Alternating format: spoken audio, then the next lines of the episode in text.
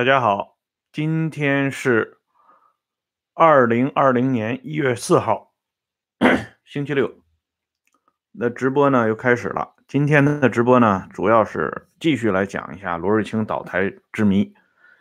今天的题目呢叫毛泽东抛弃罗瑞卿的前因后果以及九掌大权后的政治心态，主要呢是来讲一讲毛啊决定抛弃罗瑞卿，因为这才是。罗瑞卿倒台之谜的核心部分啊，不管是谁在陷害罗瑞卿也好，是在收拾罗瑞卿也罢，最后取决，就是说，最后罗瑞卿的政治命运只取决于毛本人啊。如果没有毛的首肯和毛的批准，以及毛的这种心态的自我调整和变化的前因后果，那么罗瑞卿的倒台自然也就无从说起。昨天的节目呢，我们进行了一下讲解。这个讲解，我认为啊是比较必要的。就是说，一直以来啊，这个官方党史教科书，包括罗瑞卿的后人都在强调一点，就是说罗瑞卿自认为啊没有触犯过林彪的权威，那都是林彪、叶群两口子啊在那里瞎嘀咕、瞎合计，最后呢炮制出这么一系列的阴谋。但是通过昨天的李义民的回忆录的那段解释解释呢，我们可以看到啊，尽管这个罗瑞卿在主观上是什么样的态度，我们无从悬揣，但是在客观上，至少在我们这些人听来，这件事情不是那么简单，而且也从另外一个侧面看到，通过解放军报社论的一系列事情，我们也可以看到罗瑞卿当时的骄横跋扈。已经到了相当可以的地步，所以呢，现在我们来看一下毛的态度的转变。首先呢，我给大家看一下这本官修本的《毛泽东传》啊，这个《毛泽东传》呢，这本书之所以啊让我首先提到这本书，就是这本书当中有一段从未有过的记载啊，这个记载呢，在《毛传》。一九四九至一九七六年下卷的第一千四百页上边啊，我把这页数给大家也标出来。这里的这个记载呢是这样：是同是毛泽东在一九六六年一月五号啊，就是解决了罗瑞卿问题之后的上海会议之后，毛泽东同中共江西省委省政府负责人杨尚奎和方志纯。谈到罗瑞卿的问题，毛泽东说：“这个人就是盛气凌人、锋芒毕露啊！这是这个人指的就是罗瑞卿啊。”毛说：“我也同罗瑞卿说过，要他到哪个省去搞个省长，他不干。军队工作是不能做了，要调动一下，可以到地方上去做些工作，也不一定调到江西来。”这段话的出现呢，应该是以往啊所有教科书里边都没有出现过的话。感谢吴先生啊，因为在这之前呢，我们反复看到的就是伟大领袖被迫同意啊，或者是违心同意批准打倒罗瑞卿。之前的主客观的理由摆了一大堆啊，总之呢。这个屎盆子都是扣在林彪一伙头上，伟大领袖比较无辜啊，罗瑞卿是最无辜的了。可是呢，就在这个《毛泽东传》官方修订的《毛泽东传》里边，却突然的提到了毛泽东对罗瑞卿的一个评价，说这个人是盛气凌人、锋芒毕露。要知道啊，之前啊。在罗列的那些伟大领袖被迫同意打倒罗瑞卿的过程当中呢，从没有针对罗瑞卿的个人品质或者是个人作风说到过任何负面的东西，特别是这个原始出处来自于伟大领袖之口，这是破天荒的第一回。为什么会出现这么一个非常奇怪的记载呢？而且就是出现在《毛传》当中呢？这里呢，我要简单的来讲一下。首先一点，这个《毛传》他的出版实际上在整个啊这个作品当中呢，体现的啊这主编大家看一下也就知道了。庞先知和金冲吉啊，特别是这位金冲吉先生啊，那是铁粉呢。嗯，这本书呢出版于二零零三年十二月份，正是胡温执政的时候。我们都知道啊，毛泽东热的重新掀起，正是胡锦涛执政以后发生的事情。啊，毛呢再一次披上光环，重新啊走上政治历史舞台。虽然这个时候的毛呢，早已经是啊肉体早已经告别我们若干年了，但是丝毫不妨碍他借尸还魂这件事情。而这本书呢，就在这个大背景下出来了。在这本书当中呢，对于那个臭名昭著的庐山会议批判彭德怀、黄克诚，在啊金冲吉、李杰等人的炮制之下呢，这段事情呢，居然被称之为毛泽东啊毛泽东。失足的地方，庐山会议是毛失足的地方。我们都知道失足是什么概念？失足就是犯个小错误啊，不经意之间犯个小错误是可以原谅的。所以以前不都说吗？抢救失足青少年。那因为呢，这个和犯大的错误甚至犯罪是截然不同的。我们都知道，第一次庐山会议打倒彭德怀这件事情上。怎么能用失足来解释呢？但是这《毛传》呢，就是这么解释的啊。所以呢，他之所以啊，把罗瑞卿在作风上的负面的东西，通过毛泽东之口向我们进行了第一次的罕见的披露，恰恰呢，也暴露了这本书编撰者及编撰者幕后的后台老板的真实意思啊。就是说，毛可以说。作为伟大领袖和革命导师，没有犯，几乎没有犯任何实质性的错误，包括他亲手打倒罗瑞卿，那也是因为罗瑞卿咎由自取啊，他锋芒毕露，盛气凌人，所以呢，伟大领袖才出于挽救他的目的啊，因为这个谈话里边还讲了，军队工作不能做了吧，可以做一点地方的工作。啊，也不一定到江西来，那说明呢，可能还要安排到别的地方去。啊，编者呢，最后还自己加了这么一句话，他说当时还没有要完全打倒罗瑞卿，这个话呢，一半真一半假。啊，一半真呢，我们后边会讲；一半假呢，就是说还在替伟大领袖遮羞，因为这个时候早已经就是谈话的一九六六年一月五号，早已经把罗瑞卿。啊，打入另册了。对他的处理，无非是具体怎么来进行处理啊。在上海会议和稍后的这个军委扩大会议上，实际上啊，包括那个不是军委扩大会议啊，中央工作组的那个会议上，给罗瑞卿的调子已经定的很明确了。因此呢，从这个角度，我们就可以看到。编者不愿意让我们看到的另一面，那就是说，伟大领袖深度参与罗瑞卿事件，否则的话，他不会对这么两个啊无足轻重的江西省地方领导人说到罗瑞卿的负面的东西啊。只是呢，这编者呢不希望我们看到这一面，编者还是想啊让我们看到伟大领袖拿掉谁。那都是期来有志，那都是有来由的啊，不是说这个人没有缺点、没有错误啊，那都是应该被拿掉的啊。恰恰呢是这个动作暴露了啊伟大领袖的马脚。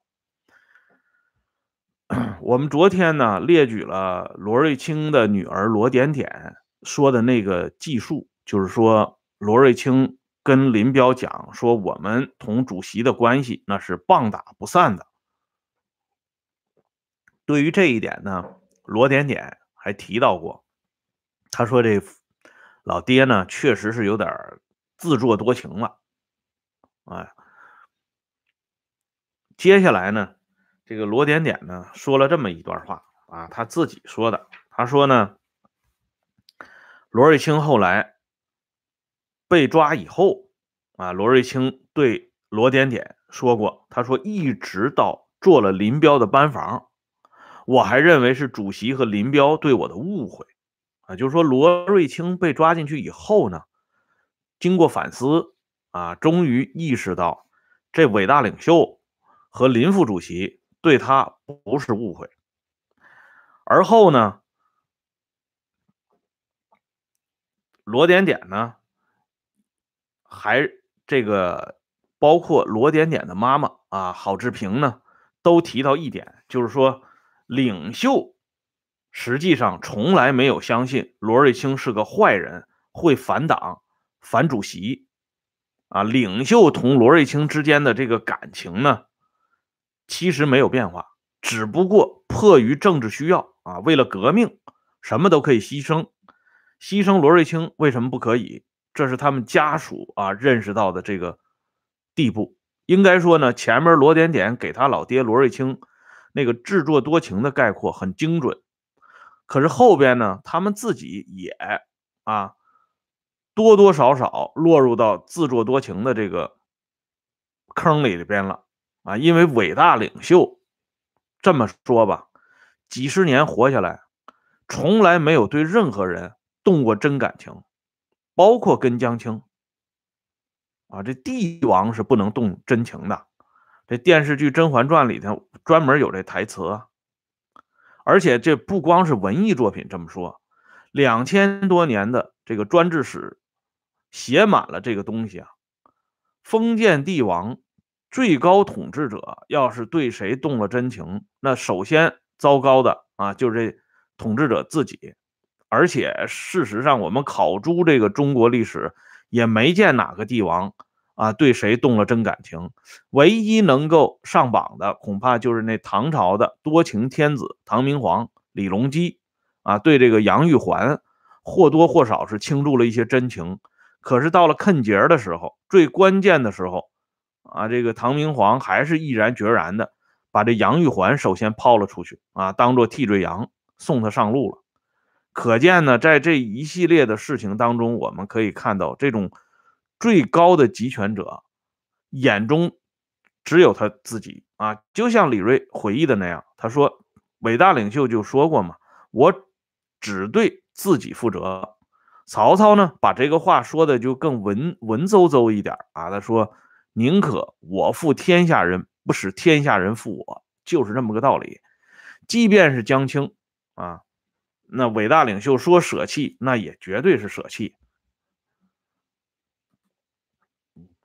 比如说啊，我们都知道江青他们为什么被打倒啊？他们首先有一个奇怪的外号啊，叫呃四人帮。这四人帮这个外号，上海帮四人帮这个外号是哪儿来的？就是伟大领袖封的嘛，哎，所以呢，我们就可以看到，这左派呀，它的特点是什么呢？左派的特点是为了自己的私利，一切都可以交换，一切都可以勾兑，一切都可以出卖。目前呢，流行的两种说法啊，一个呢是说伟大领袖是属于被迫违心放倒了罗瑞卿，再一个呢是。啊，给林彪方案的这些人认为是毛来主导了罗瑞卿的倒台，林彪实际上无非是啊迎合了毛的这个意图，这两者其实是异者啊，都是遮掩这个历史真相的做法，都是不可取的。实际上，这个文化大革命啊，就是若干势力的勾兑和勾结，他们彼此之间相互利用，最后呢，又为了这。各自的这个利益呢，反目为仇啊，最终上演了那一幕啊惊心动魄的九幺三事件。在这里呢，具体的两大势力的核心人物毛泽东和林彪，他们两个人进行利益交换和勾兑的第一个杰作就是罗瑞卿事件，谁也逃不掉他们应负的责任，谁也摆脱不了他们应有的干系啊，试图为他们进行任何遮羞布式的遮掩。那都是徒劳和无耻的。接下来呢，我们再来看一下啊，实际上毛呢，在打倒罗瑞卿这个问题上，很多人就有一个误区啊，以为似似乎只只有啊把毛锁定在他主动打倒罗瑞卿，才能彰显出这个毛的恶的一面。其实呢，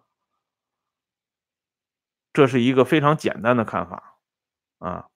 事实上，真正的恶是在于出卖和勾兑啊。因为罗瑞卿这个人啊啊，我们说不怪罗瑞卿自己，他一直有这么一个想法啊。这是罗点点回忆的。罗点点认为啊，他他爸爸罗瑞卿就始终相信毛对他的信任。就是一块谁也搬不动的大石头。那么，而且呢，这个郝志平呢，罗瑞卿的老伴郝志平还专门讲过这么一段故事，就是一九五九年春节的时候，这个毛毛的秘书呢给罗瑞卿、郝志平夫妇打电话，就是说让他们赶紧去啊，主席呢等他们过年。这罗瑞卿、郝志平夫妇接到这电话以后呢。郝志平当时就表态了，说这江青肯定是又不在，啊，主席呢觉得冷清了，所以呢，这罗瑞卿和郝志平赶紧赶到毛的住处，参加毛的这个春节联欢活动啊。结果到了现场一看呢，就是人家毛的表亲王继范啊，就是王海荣的爷爷王继范，还有毛身边的几个主要的工作人员，这外人。只有罗瑞卿、郝志平夫妇，所以这顿饭吃完了以后呢，大家在一起一起照了个相，有个合影。从这个小例子来看，就说罗瑞卿，难怪他会有这种啊错觉，就说伟大领袖可以说几乎离不开他。凡是领袖最需要的时候，罗瑞卿就马上出现在眼前。也就难怪罗瑞卿会脱口而出啊，说出那句话啊，我们和主席的关系是棒打不散的。但是呢，罗瑞卿太低估了这伟大领袖的魄力和决心了，啊，太低估了这伟大领袖的这种啊翻手为云覆手为雨的政治手段。实际上呢，在历史上，这种封建帝王类型的，特别是这种开国皇帝。从底层爬上来的这种开国皇帝，他首先呢就是有一个最主要的特点，就是雄差好杀。什么叫雄差呀？就是多疑、多心、多忌讳啊。好杀呢，那就是经常的干过啊，经常杀人啊。雄差好杀，最典型的例子莫过于朱元璋啊。这朱元璋也是伟大领袖最崇拜的领袖之一吧。这朱元璋呢，本来就对这刘伯温不满意，后来刘伯温又一力求去啊，一直想回家待着啊，不想这伴君如伴虎了。这朱元璋呢，对他这么早的就告别皇帝身边啊，更加不满意。但是朱元璋这些东西呢，都按捺下来啊，没有表露。最后通过胡惟庸之手啊，因为胡文庸对这刘伯温本身也很记恨，就通过胡文庸之手把这刘伯温就给搞死了。搞死以后呢，胡文庸后来下场也很惨啊！著名的胡兰党狱案中的第一大案，胡文庸全家被灭门了。这以后呢，朱元璋居然居然啊毫无忌讳、毫无避讳的把刘伯温的儿子找到跟前，跟他促膝谈心啊，就说你爸爸当年啊就是被胡文庸这些人给害死了啊！我那个时候，我我这个得到消息已经晚了啊，他呢肯定。是喝了这个胡文庸他们的送的这些不干不净的东西，然后呢就拉了肚子了啊！这个怎么怎么怎么就详细的讲了一下。作为子女一听呢，你看看啊，这皇帝陛下对我老爹是多么关注啊！就是说他们这种欺人欺天的手段，真的啊是花样翻新的。所以呢，即便是在决定抛弃罗瑞卿之前呢，伟大领袖还同罗瑞卿。啊，继续摆这个迷魂阵，把这罗瑞卿给忽悠的，简直到了无以复加的程度，懵懵懂懂的就掉进了罗网。而实际上呢，这伟大领袖出卖啊，当然人家罗点点习惯于用牺牲这两个字啊，我更喜欢用出卖，出卖自己的亲信，或者说出卖自己的鹰犬，这已经不是头一回了。在罗瑞卿之前，就有另外一个著名人物，就是高岗。当初呢，毛倚重高岗到什么程度呢？大家也都看到了啊。一九四九年以后，高岗的职务几乎是同周恩来相比肩，他的那个国家计划委员会就是一个经济内阁。啊，高岗呢上连下挂，同林彪、陈云这些人打得火热，俨然就是毛身边的第一号代言人。他奉毛命啊，导刘导周。这个整个的谋划败败露以后呢，刘周他们联起手来追究高岗的责任。就在这个时候呢，毛毅然的把高岗抛了出来。高岗死前要求到杭州去与毛见面，啊，断然被否决。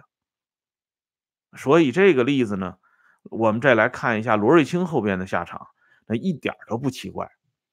哎，包括后边的啊，罗瑞卿之后的那些小爬虫一类的人物，比如说杨成武、萧华这些人物，也都是在毛的恩准之下给抛弃掉了。啊，以前这个南宋有个著名的词人啊，叫刘过，他写这岳飞的时候。那个《六州歌头》的那首词里边就说过这句话：“焦兔依然在，良犬先烹。”啊，这就回应了刚才这网友说兔子还没死啊，狗就给烹了，就是这个意思。经常有这种现象，一丁点都不奇怪。啊，历史上我们看到雍正皇帝在收拾他的八弟和九弟，就是胤祀和胤堂之前。先把他的主要铁杆亲信，帮助他上位的两个重要骨干年羹尧和隆科多给搞掉了。年隆之玉早于啊黄八子和黄九子之狱，这为什么呢？也是这样的原因啊。当这个老大感觉到这个宠臣对他构成一定的威胁，对他掌权构成障碍的时候，他会毫不犹豫的。呃，弄死他们，啊，至少是把他们弄残了，不会让他们再有翻身的机会。而罗瑞卿这一幕戏呢，即使啊，就是萧华、杨成武完蛋以后呢，也还没有结束。包括后来啊，毛呢重新让邓小平出山，让邓呢来主持收拾残局，为了让邓能够安心的工作。啊！大家看到一幕，毛呢不惜把江青、张春桥他们记了出来，啊，指责他们搞宗派、搞上海帮，甚至封了他们一个全国皆知的外号啊“四人帮”，放任邓小平呢去顶撞江青，去批判江青。这个时候，毛需要邓小平，所以呢，毛也让江青他们。示一示众啊，拉出来示众，把他们也搞了一下。可见呢，在毛的这个政治天平上边，没有任何人是可以逃过这一劫的啊。后来呢，形势变化了，他转手就把邓啊按照右倾翻案风来处理，除了没开除党籍以外呢，党内外一切职务都不见了。哎，这才是最真实的伟大领袖。而且呢，这里我刚才说过，即便是宠臣，如果你侵夺了老大的权利，或者染指了老大认为的禁脔，那么老大会毫不客气的搞掉你。在这里呢，我想转述一下高文谦先生在晚年周恩来这本书当中，对于毛泽东批准啊。批评江青在政治局里边公开批评江青他们的一个动机，啊，做一个简单的复述。毛呢，本来希望江青能够与邓小平在他安排的权力格局中携起手来，在政治经济两方面为文革保驾护航，却不想江青如此不顾大局，一再惹是生非。毛已经察觉到江青在政治上的胃口越来越大，越来越不听招呼和劝告。和张春桥等人抱成一团，称王称霸，已经引起了政治局大多数人的不满。现在竟然又要借他的手把周邓两个人同时搞掉。如果真依了他们，势必会造成江青一派独大的局面，到头来毛本人也不免被架空。这是深谙统御之术的毛所不能答应的，即便是他的心腹嫡系也不行。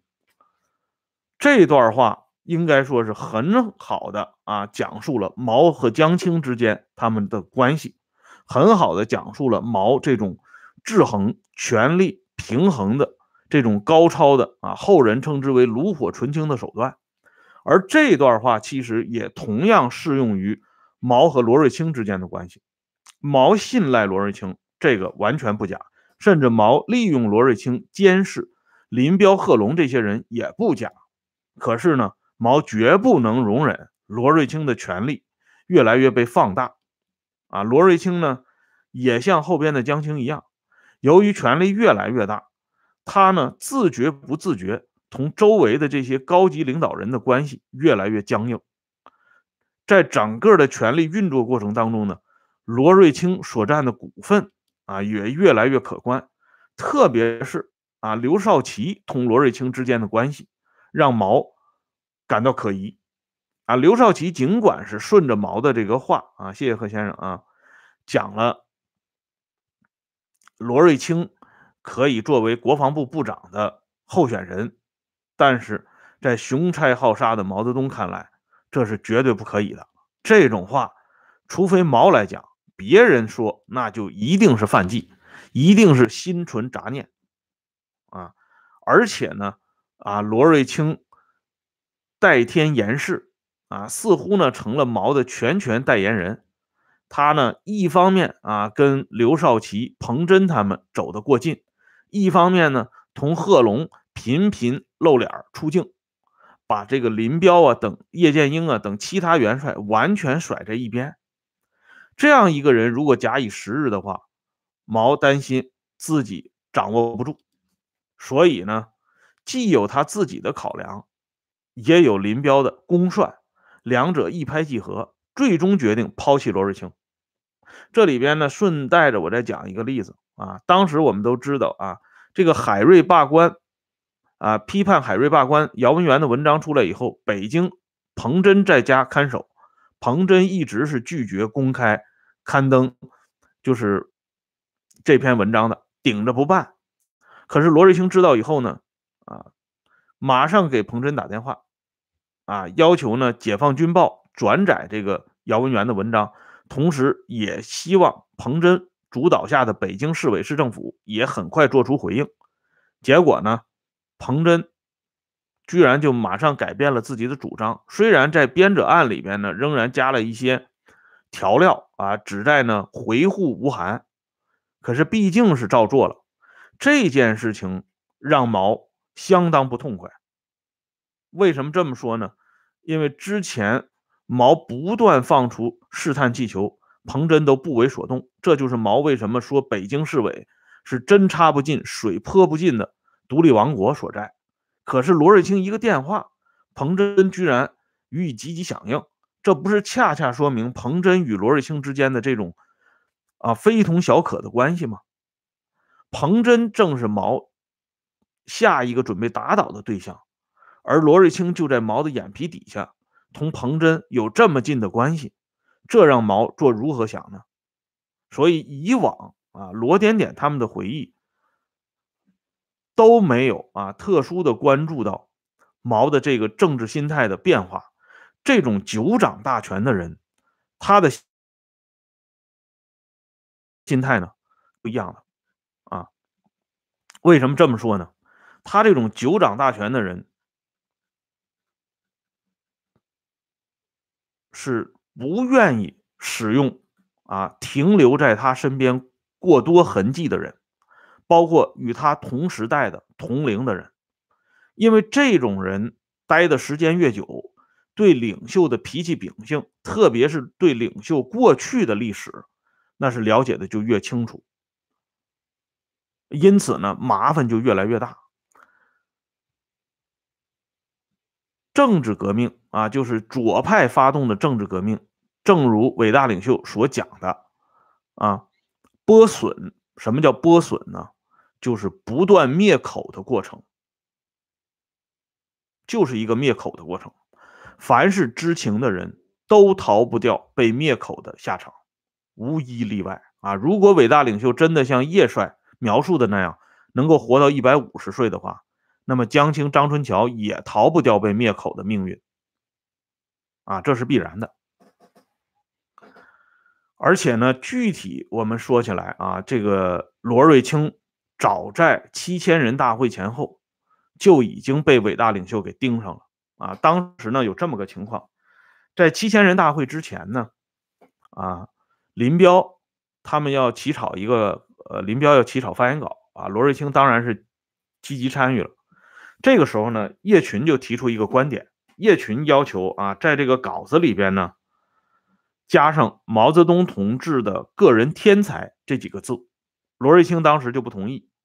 罗瑞卿说：“现在不是不让提这个天才了吗？”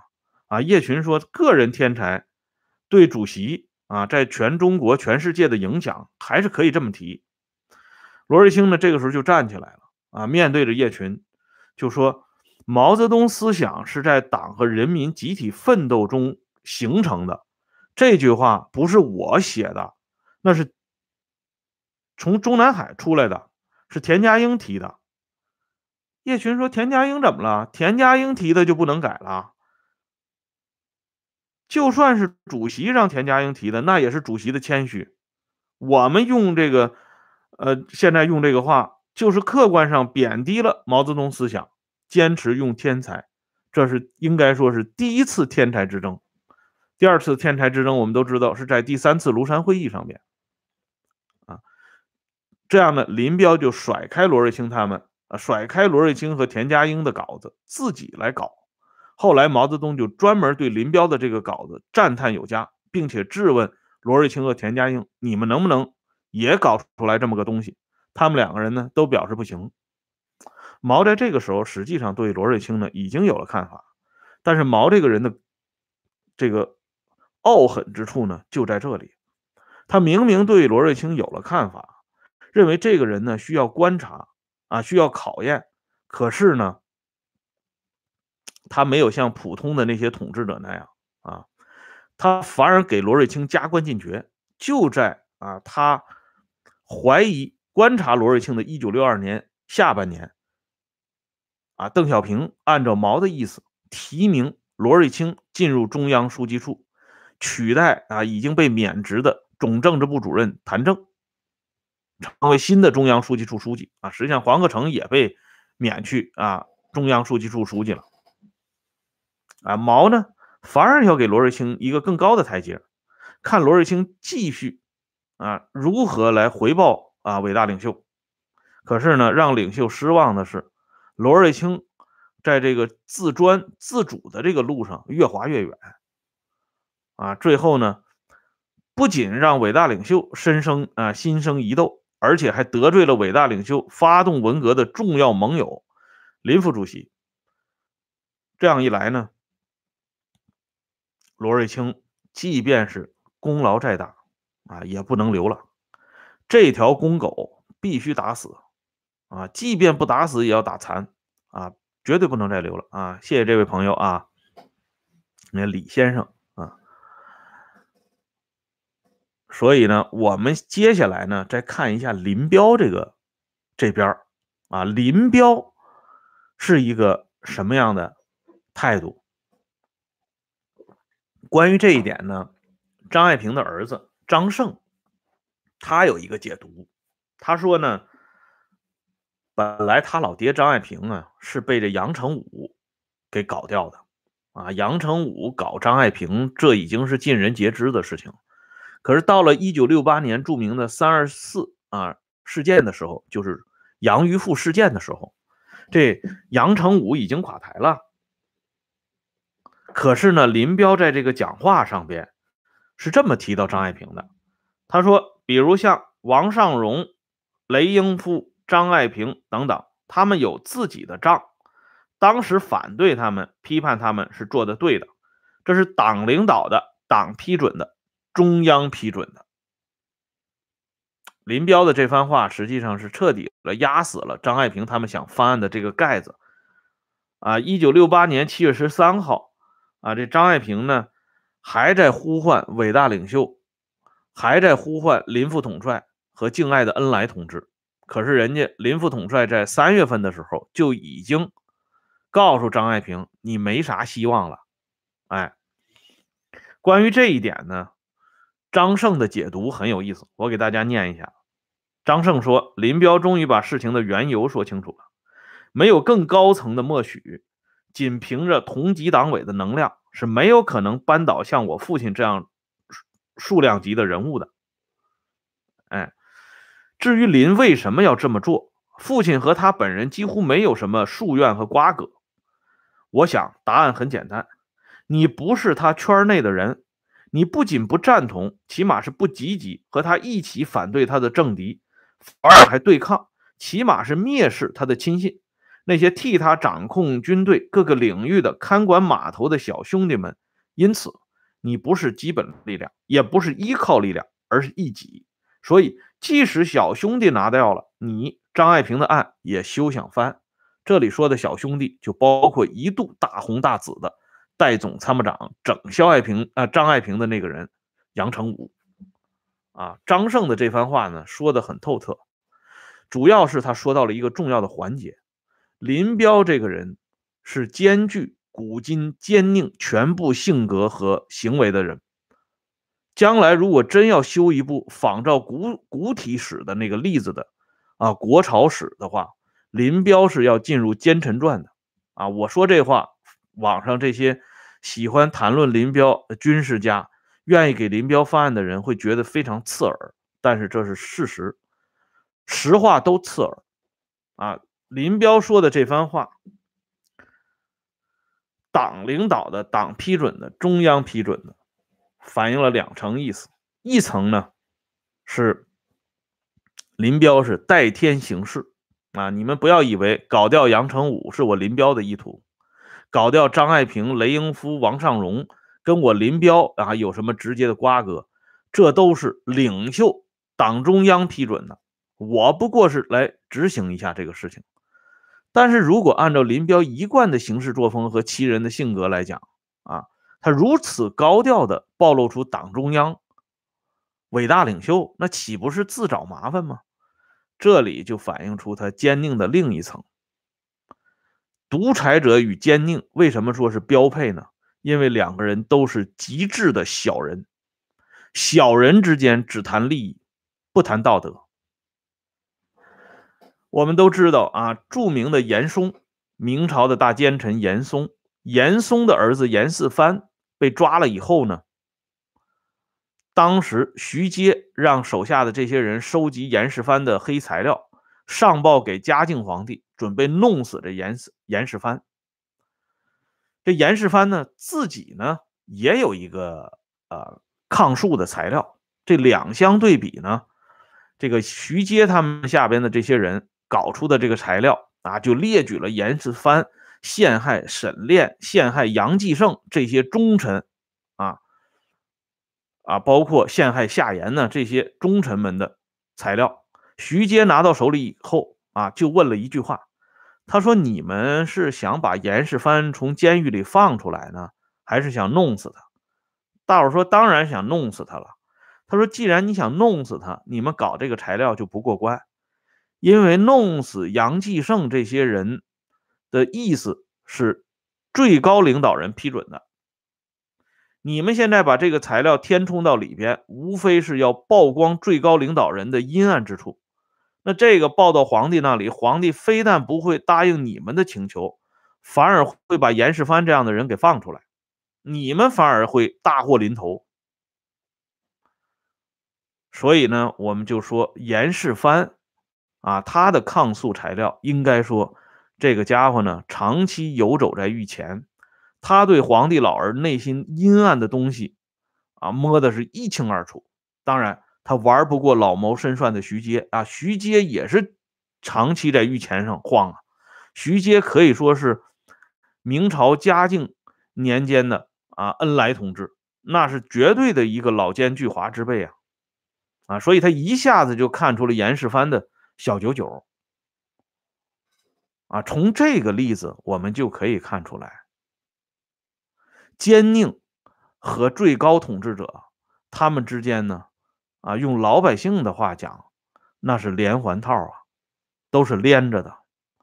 他们之间，即便是在互相利用的时候，啊，也是互相拆防、互相提防，最后他们走到分手啊、分决裂这个下场，一丁点儿都不奇怪。啊，这个朋友呢，需要一个啊。哎，我给你发一个 PayPal 吧。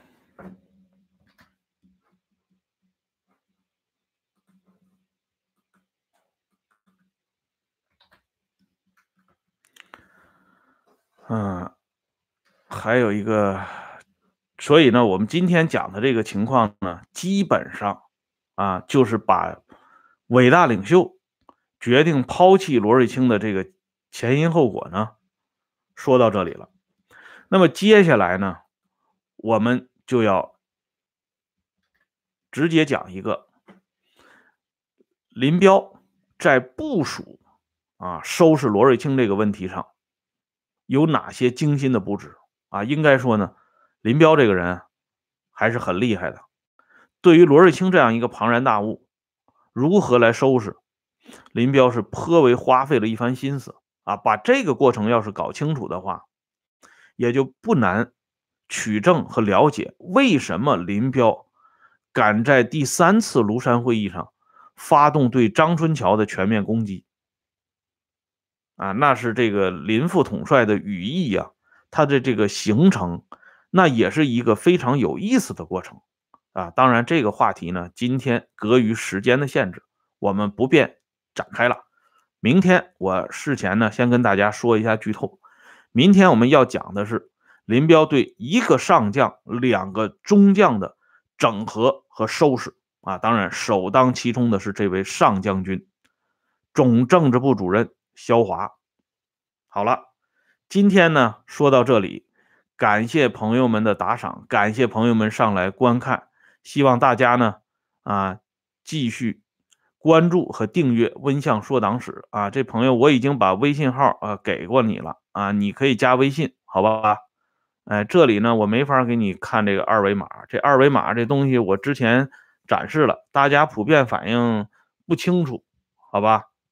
哎，你就加微信吧。好了，我们明天再见。